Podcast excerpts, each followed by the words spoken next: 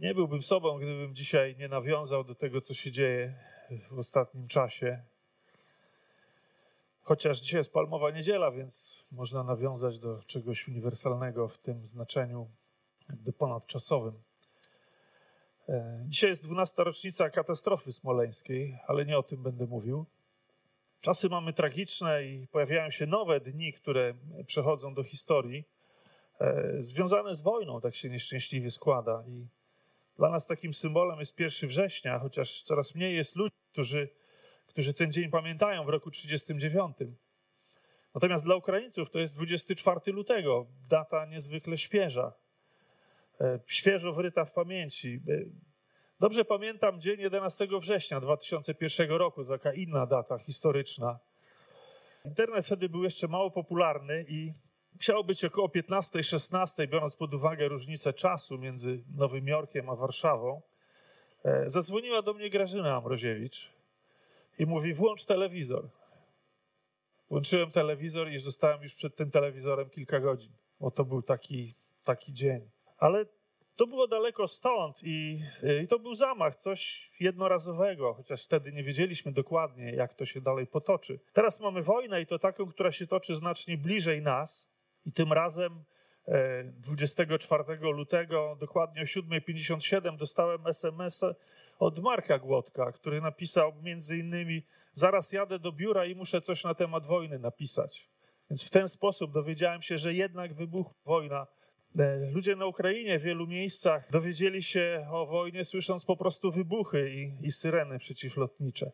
Dzisiaj też będę mówił o wojnie bo trudno ten temat zignorować. Chcę mówić w oparciu o, o, dłuższy fragment z Ewangelii Łukasza z 21 rozdziału, wierszy od 5 do 28.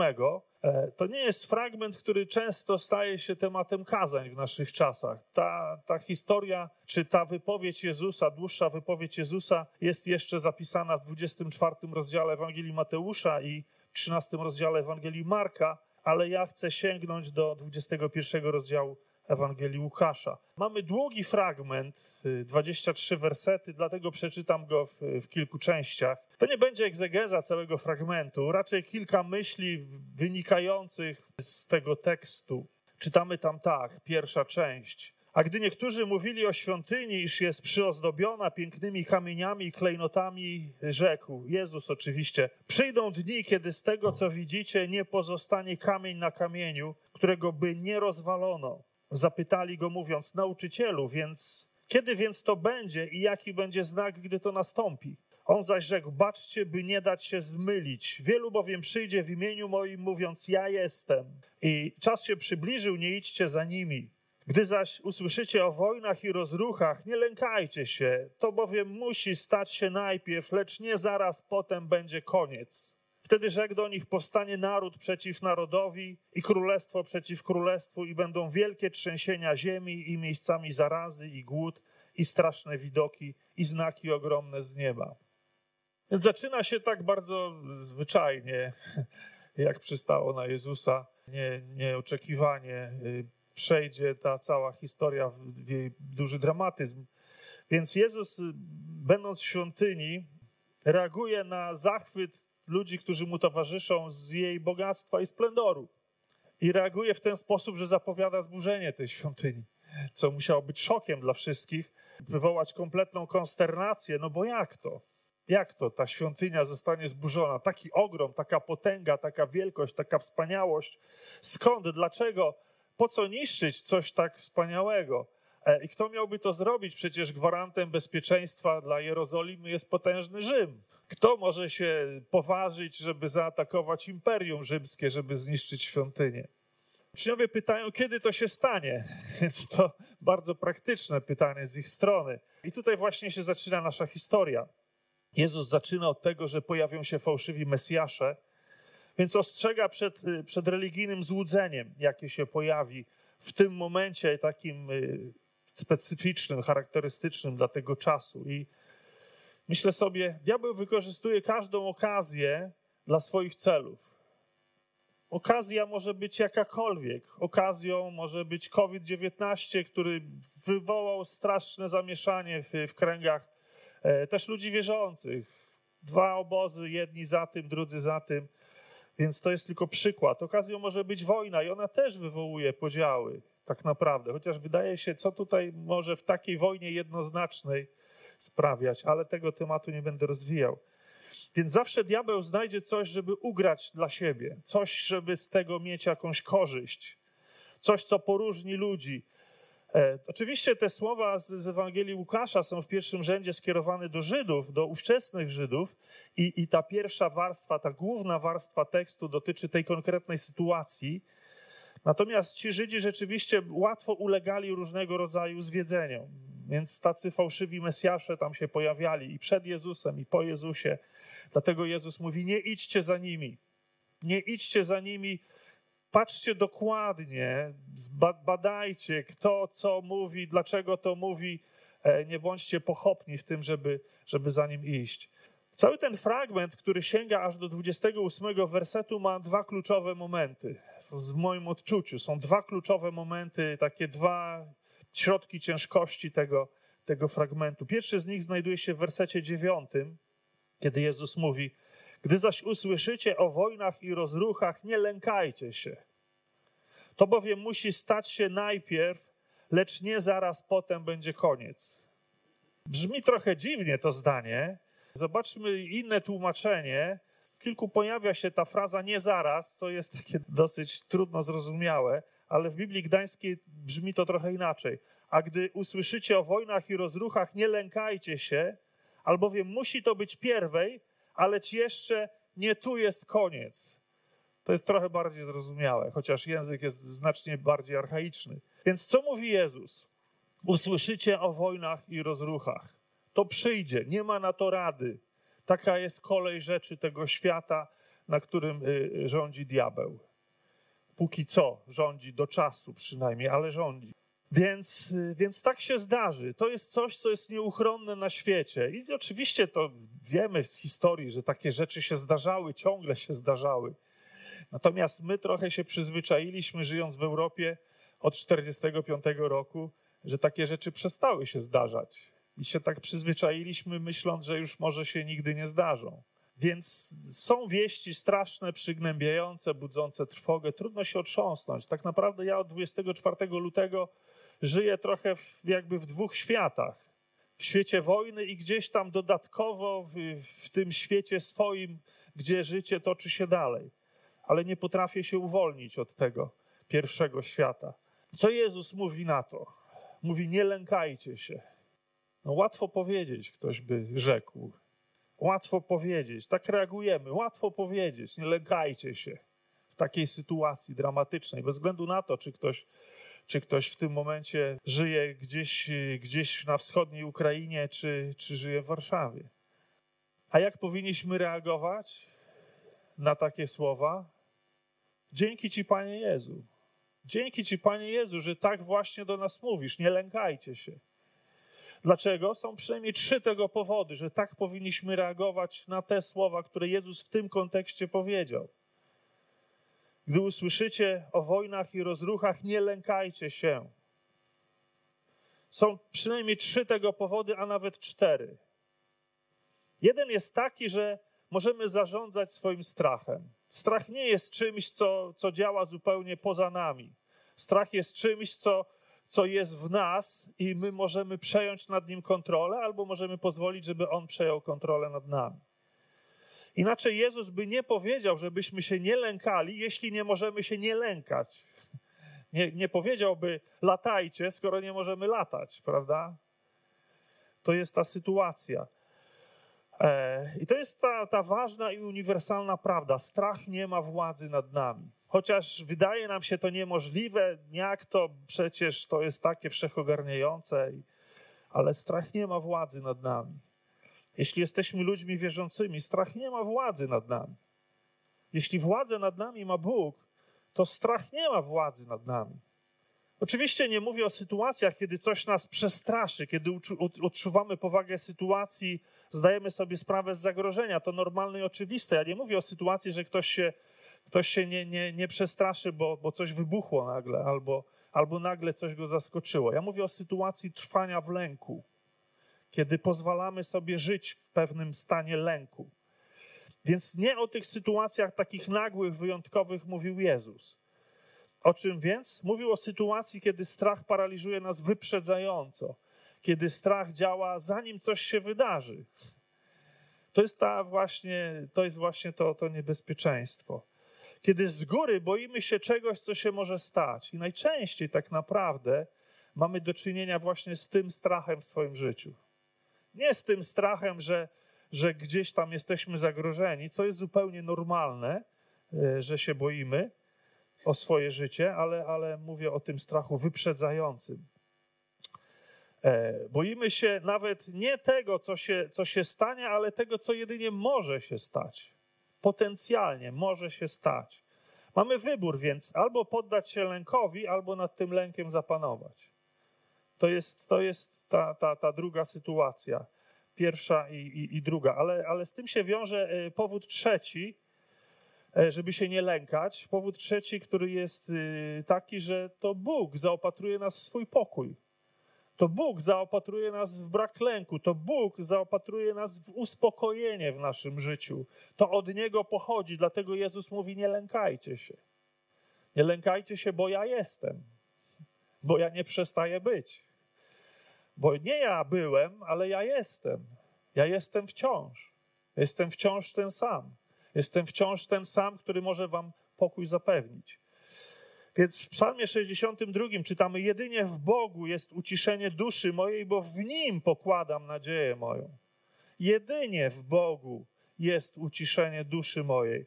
My nie mamy tego, tego poczucia braku lęków sami wyprodukować. To nie jest wyzwanie, które Jezus przed nami stawia. Teraz bądź odważny, po prostu masz stawić czoło i tak dalej. My mamy to poczucie pokoju, to poczucie bezpieczeństwa, mamy go wziąć. Dlatego, że on, on ten pokój tam cały czas jest poza nami. On tam cały czas czeka na nas. I Bóg czeka na nas. I Jego pokój czeka na nas. Dlatego Jezus mówi o przyszłych wydarzeniach, ale nie po to, żeby nas nastraszyć, żebyśmy tak czasem zapewnie się nie poczuli tutaj na ziemi, ale po to, żeby nas przygotować, żebyśmy nie byli zaskoczeni, że coś takiego się zdarzy. Ale jak to? zastanawiamy się, dlaczego nas to spotyka. Żebyśmy takich pytań właśnie nie zadawali. Natomiast kluczowe jest to, że e, Jezus nie zostawia nas sam na sam z tą wiadomością, z tą wiadomością, która budzi grozę, ale zaraz pociesza nas właśnie słowami: Nie lękajcie się. Mówi: Przyjdą złe rzeczy, usłyszycie o złych rzeczach, i co z tym macie zrobić? Nie lękajcie się. To jest jego odpowiedź. Jezus nie unika mówienia o trudnych rzeczach, ale jednocześnie zaraz nas zapewnia o tym, jak powinniśmy na to reagować. Ale jest jeszcze czwarty powód, dla którego nie mamy się lękać, bo czytamy według Biblii Gdańskiej, aleć jeszcze nie tu jest koniec. Aleć jeszcze nie tu jest koniec, albo jak to y, w tym tłumaczeniu Biblii Warszawskiej, ale też w Nowym Przymierzu, jeszcze w innych tłumaczeniach, y, bardzo często właśnie jest ta fraza, lecz nie zaraz potem będzie koniec. Nie zaraz potem będzie koniec. Co to oznacza?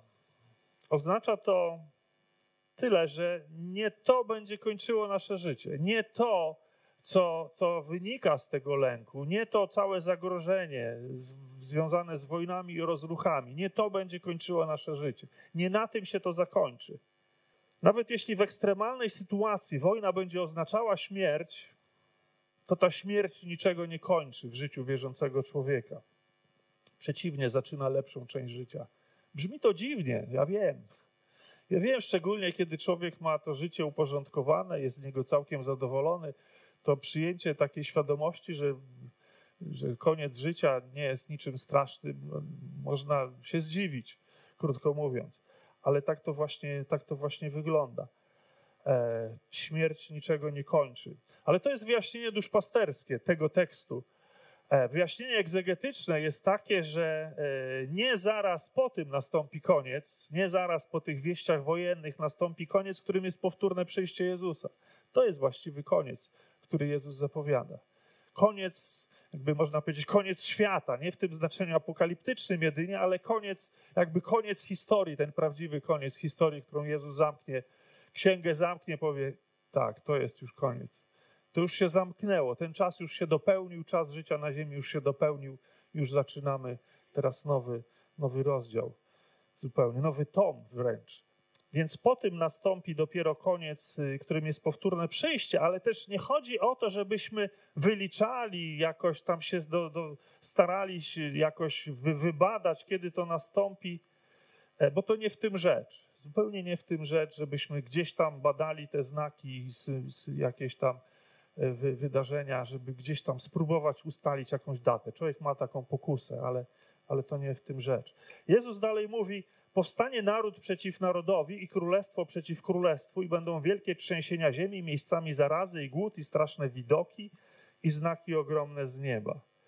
To, co Jezus zapowiada w zasadzie przez wszystkie wieki, te 20 wieków od czasu, kiedy te słowa zostały wypowiedziane, tak naprawdę się działo. I to często z całkiem dużą intensywnością, dużo większą niż to, co teraz się dzieje.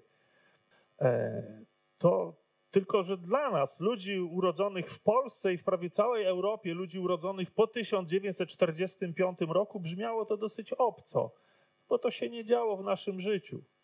To się działo gdzieś. Jak czytamy o jakiejś, o jakiejś rzezi w Rwandzie, jak czytamy o jakiejś wojnie, nawet w Jugosławii, to też było gdzieś. To też wiadomo było, że to do nas, nas nie dotyczy, bo to gdzieś jest jakiś wewnętrzny konflikt jakichś narodów, które które oszalały mniej lub bardziej. Więc to dochodziło do nas z daleka, albo w sensie odległości czasowej, jak wojna stuletnia albo trzydziestoletnia, albo w sensie odległości geograficznej. Ale dla Ukraińców od 24 lutego ogólnie, a dla tych mieszkających w Donbasie od 2014 roku, te słowa nie brzmią obco, one brzmią bardzo znajomo. To jest ta różnica. Owszem, zaraza do nas przyszła w 2020 roku, więc tutaj jest mowa o tych zarazach miejscami zarazy i głód, straszne widoki. Nie było jeszcze głodu, strasznych widoków. Nie chcę powiedzieć, że, że, że przygotujmy się, że będą, chociaż pewnie, pewnie tak może być. I czytamy dalej, lecz zanim się to wszystko stanie, podniosą na was swe ręce i prześladować was będą i wydawać do synagog i więzień i wodzić przed królów i namiestników dla imienia mego.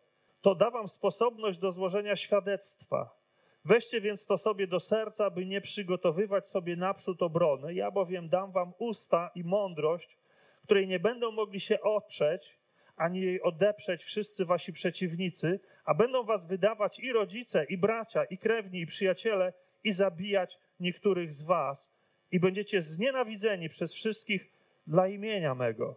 Lecz i włos z głowy waszej nie zginie, przez wytrwałość swoją zyskacie dusze wasze, gdy zaś ujrzycie Jerozolimę otoczoną przez wojska, wówczas wiedzcie, że przybliżyło się jej zburzenie. Wtedy mieszkańcy Judei niech uciekają w góry, a ci, którzy są w obrębie miasta, niech wyjdą z niego, a mieszkańcy wsi niech nie wchodzą do niego, gdyż dni te to dni odpłaty, aby się wypełniło wszystko, co jest napisane. Biada brzemiennym i karmiącym, w owe dni będzie bowiem wielka niedola na ziemi i gniew nad tym ludem i padną od ostrza miecza i zostaną uprowadzeni do niewoli u wszystkich narodów, a Jerozolima będzie zdeptana przez pogan, aż się dopełnią czasy pogan.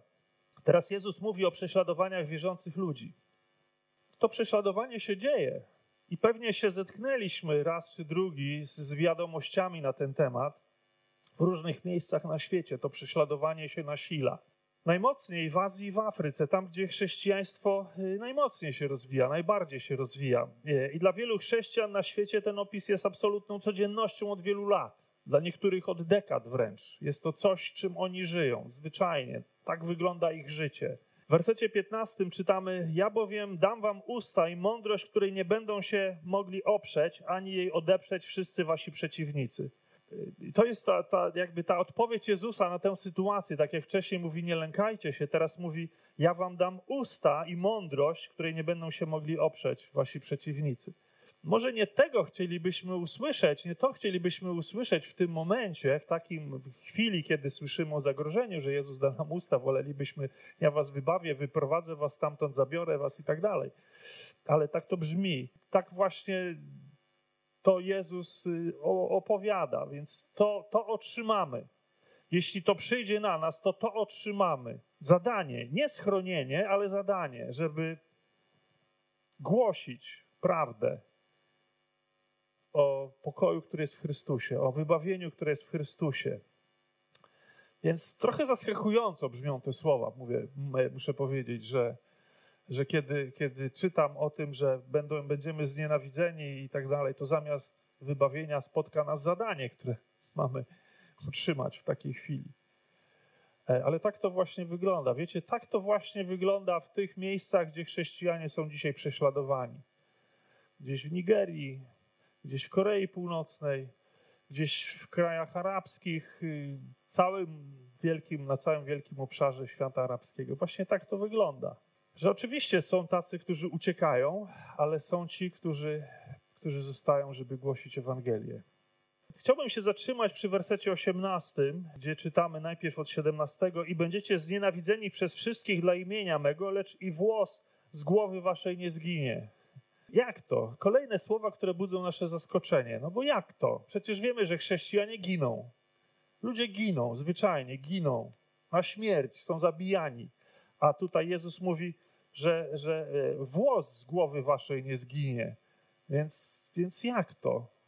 Ale te słowa nie zapewniają nas o szklanym kloszu, który, który nas otoczy ze wszystkich stron i jakby będziemy patrzyli jak przez szybę na złe rzeczy, a one nas nie dotkną, bo będziemy chronieni w cudowny sposób, chociaż tak się może zdarzyć, ale, ale często nie musi. Jezus mówi, że nic nam się nie stanie poza Bożą kontrolą, nic, co, co by wykraczało poza Bożą kontrolę, że Bóg straci nad tym panowanie. A to znaczy, że nas, nasz los jest ostatecznie w Bożych rękach i niczyich innych, jak tylko w Bożych. Ktoś patrząc na sprawę doraźnie i docześnie powie, że to tak naprawdę żadna różnica. Śmierć to śmierć. Co z tego, czy się to dzieje za Bożą wiedzą i wolą, czy bez Jego wiedzy i woli. Ale to nie tak. Ktoś powie, że, że tym gorzej, bo nas nie ochronił, a powinien. Ale tu chodzi o coś innego. Chodzi o to, że śmierć niczego nie kończy w życiu wierzącego. Tak już o tym mówiłem. Ona nie jest ostateczna. Dla, dla niewierzącego, owszem, jest to ostateczna i poza nią już nie ma nic ale dla człowieka wierzącego śmierć nie jest żadną ostatecznością. Wiele z tych opisów tego fragmentu, z tych słów Jezusa, o ile nie wszystkie, pierwszym rzędzie dotyczą bezpośrednio wojny żydowskiej przeciwko Rzymianom. Wojny, która rzeczywiście nastała i to całkiem niedługo po, po tym, kiedy Jezus te słowa wypowiedział. Wojny, która zakończyła się rzeczywiście zburzeniem Jerozolimy i świątyni w roku 70. Czyli ci, którzy słyszeli te słowa Jezusa, jeszcze mogli oglądać ich wypełnienie za swojego życia. Ale oczywiście te słowa mają bardziej uniwersalny charakter i dotyczą też wszystkich innych, którzy żyli później, niejako. Więc y, zobaczmy, co na ten temat Jezus mówi. Gdy zaś ujrzycie Jerozolimę otoczoną przez wojska, wówczas wiedzcie, że przybliżyło się jej zburzenie. Gdy mieszkańcy Judei niech uciekają w góry, a ci, którzy są w obrębie miasta, niech wyjdą z niego, a mieszkańcy wsi niech nie wchodzą do niego. Taki krótki kurs przetrwania. E, bardzo praktyczne instrukcje, co należy w takiej sytuacji zrobić. Dosyć zaskakujące, bo tu nie ma żadnej treści duchowej. To jest po prostu bardzo praktyczna uwaga, jak się zachować w takiej chwili. Więc Jezus mówi o tym, żeby umieć podejmować właściwe decyzje w chwili zagrożenia. Decyzje racjonalne, Tutaj nie trzeba szczególnego objawienia, tutaj nie trzeba czekać, że, że Bóg nam, anioł z nieba objawi, co mamy w tej chwili zrobić. Mówi, uciekajcie. Zwyczajnie, uciekajcie. Jesteście w mieście, uciekajcie poza miasto. Jeśli jesteście na wsi, nie przenoście się do miasta. To jest bardzo prawdziwa e, informacja dotycząca czasu wojny. Ludzie na wsi w czasie wojny przetrwają łatwiej niż w dużym mieście. Bo duże miasto, jeśli zostanie zaatakowane, to jest dużo większe prawdopodobieństwo, że się tam zginie. Więc y, Jezus mówi: kieruj się rozumem. Rozum nam podpowiada, żeby się ratować i warto to zrobić. Czasem jest tylko krótki czas, żeby się uratować. Naprawdę krótki moment, takie okienko otwarte, kiedy, kiedy właśnie jest szansa, żeby coś się zmieniło.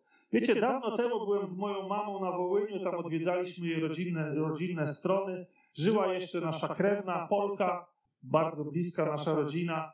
Ona nie wyjechała ze wszystkimi, kiedy w 1945-1946 roku ludzie stamtąd musieli wyjeżdżać, e, jak to komuniści nazwali oszukańczo, repatriować się, ale oni y, nie jechali do ojczyzny, oni opuszczali ojczyznę tak naprawdę. Ale to tak na marginesie. E, więc ona nie wyjechała ze wszystkimi, bo jej rodzice byli chorzy, musiała się nimi zająć, potem już nie mogła wyjechać. Całe swoje życie spędziła biednie w Związku Sowieckim, bo to był jeszcze czas Związku Sowieckiego, kiedy tam byłem. E, a mogła je dużo lepiej spędzić w Polsce. Oczywiście to nie byłoby bardzo wiele lepiej, ale, ale jednak, jednak inaczej. E, ale tak się to po prostu ułożyło. Więc nie z jej winy, ale tego, tego, tej okazji nie mogła wykorzystać. Wielu Żydów uratowałoby się podczas Holokaustu, gdyby we właściwym czasie podjęli właściwe decyzje, uciekając. Mogli jeszcze niektórzy uciekać, ale uważali, że to przesadzone są wieści i tak dalej. Ilu z ponad 2,5 miliona Ukraińców, którzy po 24 lutego znaleźli się w Polsce, zginęłoby pod rosyjskimi bombami czy od rosyjskich kul, albo odniosłoby rany, albo doznało jeszcze innych zranień innego rodzaju, gdyby właśnie nie uciekli, tylko zostali na miejscu, w tych, w tych swoich miejscowościach. I ostatni fragment. I będą znaki na słońcu, księżycu i na gwiazdach, a na ziemi lęk bezradnych narodów, gdy zahuczy morze i fale. Ludzie będą omdlewać z trwogi w oczekiwaniu tych rzeczy, które przyjdą na świat, bo moce niebios poruszą się i wówczas ujrzą Syna Człowieczego przychodzącego w obłoku z mocą i wielką chwałą. A gdy się to zacznie dziać, wyprostujcie się i podnieście głowy swoje, gdyż zbliża się odkupienie wasze. Jezus mówi o przerażających rzeczach, ale jednocześnie mówi: Nie bądźcie przerażeni. Jak to? Otóż pewne rzeczy muszą się wydarzyć. Choć są z gruntu złe, muszą się wydarzyć nie dlatego, że Bóg tego chce, bo tego nie chce, ale dlatego, że świat jest zły. Natomiast to nie jest jeszcze koniec świata, ani w sensie dosłownym, ani w sensie metaforycznym. Augustyn z Hipony powiedział takie słowa. Oto zło Judasza zostało odwrócone na dobro. Jeśli więc Bóg potrafi dobrze wykorzystać złe dzieła samego diabła, to zły, posługując się złem, samemu sobie szkodzi. Ale dobroci Boga nie potrafi przeszkodzić. Bóg jak artysta, i to wielki artysta, potrafi z tego wszystkiego skorzystać. Brzmi to dziwnie, prawda? Zaskakująco. Aż czasem trudno się z tym zgodzić, że no jak to? Ale tak to wygląda rzeczywiście. E, diabeł posługuje się złem, a Bóg z tego wydobywa dobro. Zło jest czasowe i zło jest ograniczone przez Boga. Zło nie jest suwerenne, żeby mogło robić co chce i tak jak chce. Nie może się rozprzestrzeniać dowolnie, chociaż wydaje mu się, że może. Zło wydaje się, że jest wszechwładne, ale nie jest. Nie chcę robić teraz wykładu z historii, ale mam wielką pokusę. Ale rzeczywiście e, zło nigdy nie osiągnęło swoich celów do końca. Osiągnęło swoje cele w bardzo niewielkim stopniu, nawet jeśli to oznaczało śmierć wielu, wielu ludzi, to, to jednak okazywało się zawsze klęską zła. I Hitler, i Stalin ponieśli klęskę. Nie osiągnęli swoich celów. Nikt inny, żaden Pol Pot, żaden, żaden Mao nie osiągnęli swoich celów w pełni. Narobili dużo zła, ale nie osiągnęli swoich celów. Zostali zatrzymani. E, I my jesteśmy tutaj na ziemi także i po to, żeby to rozprzestrzenianie się zła hamować. Oczywiście na tyle, na ile jesteśmy w stanie to robić. Między innymi poprzez czynione dobro, podczas posiadane, poprzez posiadane dobro, które jest w nas. My to zło hamujemy, jakby przeciwstawiamy się mu, jakby chronimy przed nim innych. I, i, I sytuacja wojny na Ukrainie pokazuje właśnie dokładnie to. Ona uwolniła ogrom dobra u wielu ludzi, których nigdy byśmy o to nie podejrzewali, bo nawet ich nie znaliśmy. E, wielu ludzi pomagających y, ciężko doświadczonym przez wojnę, y, którzy się zaangażowali niesamowicie w to, e, to pomaganie właśnie. Bóg przez zło diabła pracuje w nas, żeby wydobywać z nas swoje dobro. Żeby z nas wydobyć to dobro, które Bóg w nas umieścił. I ono się właśnie w takich chwilach często wydobywa, a Bez tej sytuacji ekstremalnej ktoś nigdy by się na takie rzeczy nie zdobył. Diabeł próbuje to samo robić, tylko w drugą stronę. Wydobywa ludzi, z, z ludzi zło, które w nich umieścił i też stara się pracować nad nimi. I oczywiście tak to wygląda, że, że z jednych ludzi wychodzi samo zło, a z innych ludzi wychodzi dobro w tym czasie. Kto będzie miał więcej naśladowców?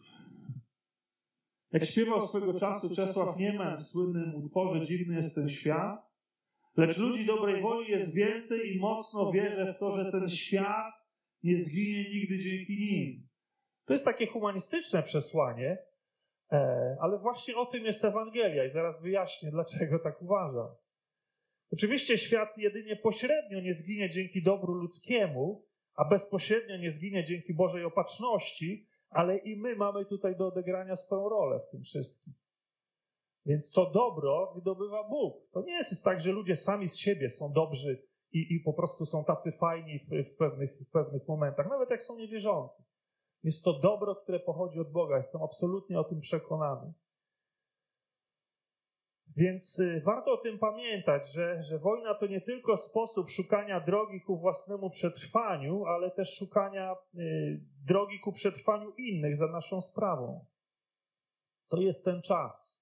To jest ten czas, który możemy wykorzystać albo bojąc się tego, co się może stać, albo możemy wykorzystać niosąc innym nadzieję, niosąc innym pomoc, niosąc innym dobro, które nas samych będzie też przemieniało.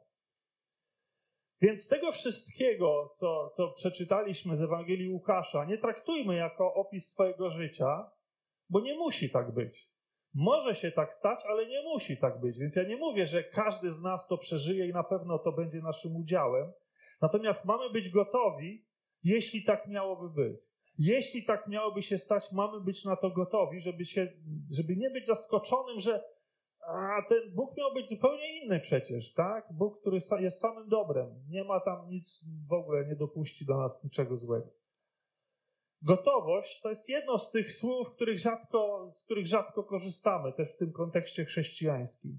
A ono ma w Nowym Testamencie swoją wagę. To gotowość się tam pojawia w różnych miejscach i w różnych kontekstach. Pamiętajmy też, że, e, że część opisu tego, e, strasznego opisu, jakby nie było z Ewangelii Łukasza, ale on jest też w Mateusza i, i w Marka, e, ta część opisu dotyczy niewierzących, kiedy są wymieniani jako oni. Tam część wydarzeń dotyczy tych, którzy są oni, opisani jako oni. Natomiast tylko część dotyczy nas, kiedy Jezus mówi o nich wy. Więc zobaczcie, że tam jest to takie rozróżnienie. Na pewno lepiej jest być w tej drugiej grupie, to jest jasna sprawa. Ale też jeszcze jedna rzecz. Mamy się uczyć dystansu do doczesności. Te, te słowa, bo już się zbliżamy do podsumowania, e, te słowa uczą nas dystansu do doczesności. Nie dla tej doczesności żyjemy żyjemy dla wieczności. Jednym z symboli tej wojny na Ukrainie, e, symbolem trwania i przetrwania może się stać skromna kuchenna szafka. Wiecie, w Borodziance, taka miejscowość Borodzianka, o której nigdy nie słyszałem, że istnieje, ocalała szafka kuchenna. Cała ściana jest zwalona, zrujnowana, ale wisi szafka kuchenna, stoją naczynia. Całe, całe talerze. A tutaj na samym górze jest taki gliniany kogut, e, który ocalał, który przetrwał. I to jest taki niezwykły symbol trwania i przetrwania. Jest taki przy tej okazji taki ukraiński żart, właśnie, a ty szafka jak tam? A szafka odpowiada, trzymam się. więc, więc to jest ta sytuacja. Dla nas też pewna nauka, jak to Bóg nas y, w ten sposób chce czegoś nauczyć, że Słabe może przetrwać. Słabe może przetrwać, zupełnie nieoczekiwanie. Y, bo jest mocne, tak. Słabe jest mocne, jeśli ma swoją, swoją, y, swoją nadzieję pokłada w Bogu. Drugi kluczowy moment tego fragmentu, to już są ostatnie słowa, wersety 27 i 28. I wówczas ujrzą Syna Człowieczego przychodzącego w obłoku z mocą i wielką chwałą, a gdy się to zacznie dziać, Wyprostujcie się i podnieście głowy swoje, gdyż zbliża się odkupienie wasze. To jest taka klamra, która razem z dziewiątym wersetem spina cały ten tekst. Najpierw czytaliśmy nie lękajcie się, teraz czytamy wyprostujcie się i podnieście głowy wasze. Przełomem dla świata jest powrót Chrystusa. Absolutnie, tutaj jest o tym mowa. Chrystusa przychodzącego z mocą i wielką chwałą, jak czytamy w tym tekście. Nie jakoś tak niepozornie i wstydliwie gdzieś tam chyłkiem, ale z mocą i wielką chwałą. Tak przyjdzie Chrystus. Potężny król, który wraca po swoje królestwo. Ale co w związku z tym e, jest ważne dla nas? Jezus mówi: Wyprostujcie się i podnieście głowy swoje, gdyż zbliża się odkupienie wasze. Nieważne, jak będą wyglądały okoliczności naszego życia, jakie emocje będą nam towarzyszyły. Naszą reakcją na zło jest wyprostować się i podnieść głowę. Nie trwać w skuleniu ze zwieszoną głową, poczuciu przegranej lęku, strachu, zagubienia, przerażenia, ale właśnie z wyprostowaną postawą i podniesioną głową, bo zło nigdy nie zwycięży. Zło nigdy nie zwycięży. Nie ma takiej możliwości, bo Bóg jest dobrem, które panuje. Więc zło nigdy nie zwycięży ani w naszym życiu, ani w całym świecie, jeżeli tylko całą swoją ufność pokładamy w Bogu. Może na chwilę jakieś sukcesy odnosić, ale nie w sposób definitywny, nie w sposób decydujący. Więc oczekujmy na przyjście Jezusa z podniesioną głową. Pewnie, zdecydowanie, zwycięsko. Przybywa odkupiciel. Zbliża się odkupienie wasze. Amen.